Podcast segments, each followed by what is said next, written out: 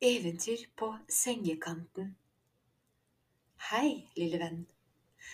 Er du sliten i dag? Vil du ha en liten lesestund, men har ingen som kan lese for deg nå? Da kan du finne en behagelig plass i stolen og åpne ørene og lukke øynene. Vi skal begynne på en helt nytt eventyr.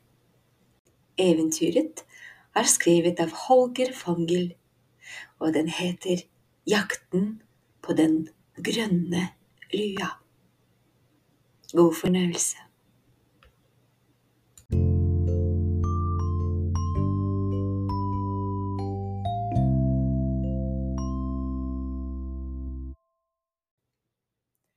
Vi begynner med begynnelsen. En svær skog et hull i bakken, et lite dyr, en helt ny tanke. Gjennom hele den lange vinteren lå grevlingen Grumle i hiet sitt. Ute snødde og blåste det. Vannet i tjernet utenfor frøs til is, og alle bladene falt av og ble gjemt under den dype snøen. Men Grumle sov og sov og sov, og mens han gjorde det, ble en tanke formet helt nederst i hodet hans. Og sakte, men sikkert, lik en lat og stor boble på bunnen av et stille vann, steg den til overflaten. Da Grumle våknet, var det vår. Han strakte seg så alle hårene på kroppen sto rett ut og skyndte seg ut av hit, ivrig etter å se igjen alle de andre dyrene i skogen han ikke sett på så veldig lenge. Utenfor var dagen akkurat like fin som en vårdag skal være. Himmelen var klar og blå med tykke, late skyer som drev forbi tretoppene i akkurat passe fart. Trærne hadde begynt å pynte seg med nye blader, og stråene langs tjernet var allerede blitt så høye at de kunne svaie i den svake vinden. De beveget seg frem og tilbake. Det virket som om de ønsket våren velkommen. Gromli ble stående og kikke på all det fine en liten stund, glad for at han bodde akkurat her og ingen andre steder. De andre dyrene i skogen hadde stått opp for lengst, og på sletta nedenfor hiet sitt kunne Grumle se de gjøre ting det var fint å gjøre når våren var ny og fin og høsten en evighet unna. Han hadde så lyst til å rope og si hei til dem, enda mer lyst til at de skulle rope og si hei til ham. Derfor ble han bare stående og kikke litt, sånn, helt for seg selv. Ekornet Emma løp, hoppet og spratt. Hun prøvde sikkert å finne noen nøtter hun hadde gravd ned i fjor og glemt i mellomtiden. På den flate steinen sin lå Pedro, pinnsvin, og dormet i solen slik han gjorde hver eneste vår. Vinteren flyttet alltid så grundig inn i kroppen til Pedro at han brukte flere uker på å våkne. I toppen av et tre satt Linda Linnelle og sank av full hals, glad for å ha kommet hjem. Og aller lengst unna sto Tor Erik Elg og lengtet etter solnedgangen den tiden på dagen han likte aller best. Alle var opptatt av sitt, og ingen var opptatt av ham. Og der og da, mens Grumle plutselig sto og følte seg litt alene, dykket den store tanken som hadde brukt hele vinteren på å bli til, opp i hodet hans. Det var som om en sky snek seg foran solen og kastet skygge bare på ham. Tanken gnagde i hodet, Han fikk slett ikke fred. Og selv om han egentlig ikke pleide å bruke hodet til vanskelige ting så tidlig på våren, satte han seg ned og tenkte tanken helt ferdig ut i alle retninger. Og slik var den. Han ønsket seg så fryktelig, fryktelig gjerne en liten lue av jul. Grønn måtte den være. Kjempegrønn. Grønn som løvet på trærne en sommer med akkurat passe regn og sol om hverandre. Med den nye lye på hodet skulle han sitte på favorittstubben sin, nesten som en liten prins, og alle de andre dyrene i skogen ville gå forbi og se på ham og kanskje hviske litt seg imellom om hvor fin han var, når de trodde han ikke hørte det. For akkurat der og da, mens han sto i en skog full av sterke nye vårfarger, ble Grumle plutselig redd for at han aldri hadde vært noe annet enn det han følte seg som akkurat nå. En ganske liten grevling, grå selv på lyse dager, og så godt som mulig å legge merke til når det var mørkt og travelt. Og det var jo stort sett da han var utendørs. Med den grønne lye på hodet ville ting bli annerledes. Det var han ganske sikker på. Med den grønne lye på hodet ville han bli sett. Og han følte veldig sterkt inni seg at det var en fin og spesiell ting å bli sett. Du skal vite at når grevlinger først bestemmer seg for noe, blir det som oftest gjort noe med det. En grevling går aldri rundt grøten. Til det er den altfor glad i grøt og alle andre ting som kan spises, for den saks skyld. Så med en gang tanken var tenkt ferdig, så vips ville han sette den ut i livet. Problemet var bare at han ikke riktig visste hva han skulle gjøre, eller hvordan. Men hvorfor visste han utmerket godt, og det er en god start. Dermed gikk han av sted til det klokeste dyret i hele skogen, gamle Rufus rødrev, som bodde under det hule eiketreet ved bekken.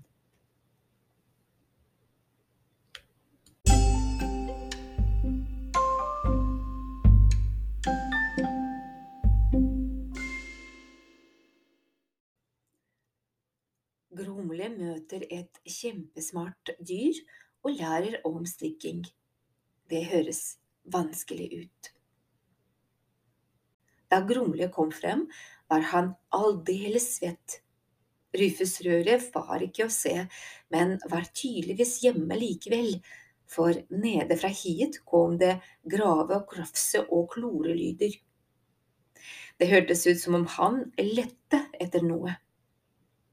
God dag og god vår, og så fint vær det er i dag, ropte Gromli ned i revehit. Rufus Rørev svarte ikke, men fortsatte med sitt. Og mens han gjorde det, satt Gromli på bakken og tenkte på mat og drikke han ikke hadde smakt på lenge. Og om Rufus kanskje lette etter noe godt han ville by på. Men mest av alt tenkte han på en liten grønn lye av ull, og hvor fin han ville bli når han fikk den. Til slutt kom Rufus Rødrev opp av hiet sitt. Han hadde visst ikke funnet alt han lette etter, for på den ene foten hadde han en sko, mens på den andre ikke hadde på seg en sokk engang. Grumli tenkte at han kanskje skulle spørre om den andre skoen hadde gått sin vei, men bestemte seg for å la det være. Ingen liker å bli minnet på at de har rotet bort saker og ting, og særlig ikke når de er det klokeste dyret i hele skogen. Rufus brukte ett minutt eller to for å samle sammen tankene sine. Da han var ferdig med det, så han på Gromlia og sa. Nå da, lille grevling, hva lurer du på i dag? For at Gromli lurte på noe, var Rufus Rørev helt sikker på. Han var tross alt den klokeste i skogen, en sko eller ikke. Du skjønner, begynte Gromle, mens han stirret i bakken. Han hadde ikke snakket med noen gjennom hele vinteren, og en superklok rev var ikke den letteste å starte med. Du skjønner, jeg ønsker meg så inderlig en liten grønn lye av ull, og nå er jeg redd for at jeg aldri vil bli glad igjen hvis jeg ikke får tak i en. Men jeg vet slett ikke hvordan de lages, eller hvor de fins, sa Grumle lavt. Han merket at tungen var i ferd med å bli varm, så han sa det en gang til, bare for treningens skyld. En grønn ulelue, hvordan får jeg tak i det? Denne gangen så han reven like inn i øynene, men bare en liten stund, for Rufus Røret var så klok av seg at øynene hans nesten stakk litt. En ullye, altså, en lye av ull, og vi snakker om grønn ull, sa Rufus langsomt, for kloke rever er glade i lyden av sin egen stemme. Hm, hva skal du med den, om jeg tør spørre? Det ser ikke akkurat ut som om du trenger en lye. Nå hadde Rufus sluttet å se ham inn i øynene, og Gromle merket veldig godt hvordan revens kloke øyne i stedet stirret på hodet hans. Det var dekket av tykk stri og veldig varm pels. Nei, kanskje ikke, sa grevlingen Gromle stille, men det kan vel hende man får lyst på ting man ikke trenger også, bare sånn for å pynte seg litt.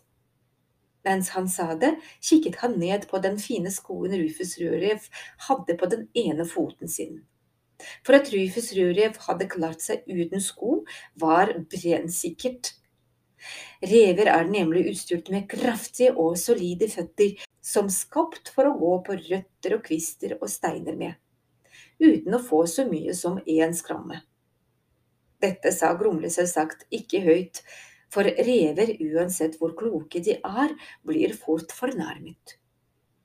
Hm, sa Rufus Rødrev, at han ikke hadde merket noe til Gromles skostirring. En grønn lue av ull får man lettest hvis man strikker den. Kan du strikke? Nei, sa Gromle og følte at dette slett ikke var noe god start. Tror du at du kan lære det? fortsatte Rufus Rødrev, og nå var det som om Gromli nesten måtte legge seg litt ned. Spørsmål om strikking og slikt var mer enn han var forberedt på. Det kommer vel an på, svarte Gromle. Kommer an på hva da? sa Rufus Rødrev, som likte å stille spørsmål med skarpe kanter. Kommer an på som skal til, vel, sa Gromle, og følte at det var et riktig godt svar. Et så klokt svar var Rufus Slekk ikke forberedt på, så han stakk ned til hiet sitt igjen. Det var sikkert for å lete litt mer etter den andre skoen sin, tenkte Grumle. Men det Rufus egentlig gjorde, var å samle tankene sine, noe rever gjør aller best når ingen ser på. Til slutt kom han opp igjen. Strikking, begynte han. Så stanset han opp en liten stund og sa det fine ordet på nytt nesten som om han likte smaken av det. Strikking er noe menneskene driver med. De tar ull fra sauene og gjør den om til lange tråder. Så tar de to pinner i hendene sine og fletter trådene sammen til nesten hva det skal være. For å klare dette på egen hånd, lille grevling, trenger du aller først en sau som står stille lenge nok til at du får klippet ullen av den og bare det kan være vanskelig nok å få til. For sauer er sjelden begeistret for sånne som oss. Når og vis, her la Rufus et godt trykk på vis. Du får til dette, må du lage ullen om til lange, grønne tråder. Finne to rette pinner og fortelle potene dine at de skal bevege pinnene på kryss og tvers, slik at det blir en lye av trådene. Strikking er i det hele tatt en ganske vanskelig sak å gjøre, og krever at man har poter som gjør på en prikk det de får beskjed om. Selv har jeg aldri hørt om noen her i skogen med så smidige poter, ikke engang ekornet. Da han hadde sagt dette, stirret reven så hardt på klørne til Gromle at han ikke klarte å la være å kikke selv. Og det så slett ikke bra ut. Gromle hadde alltid vært særdeles fornøyd med grevlingklørne sine. De var helt perfekte for en som levde av å grave etter mat i skogen. Men nå, med en rev som stirret hardt på dem, ble han plutselig veldig misfornøyd. Klørne så ikke smidige ut i det hele tatt. De var korte og krokete og ville ganske sikkert ikke gjøre det de fikk beskjed om når det kom til stikking. Jeg kunne vel egentlig like godt prøvd å bygge en månerakett, sa Gromle, mest til seg selv. Ja, svarte Rufus Rødrev, og da var det ikke så mye mer å si om saken.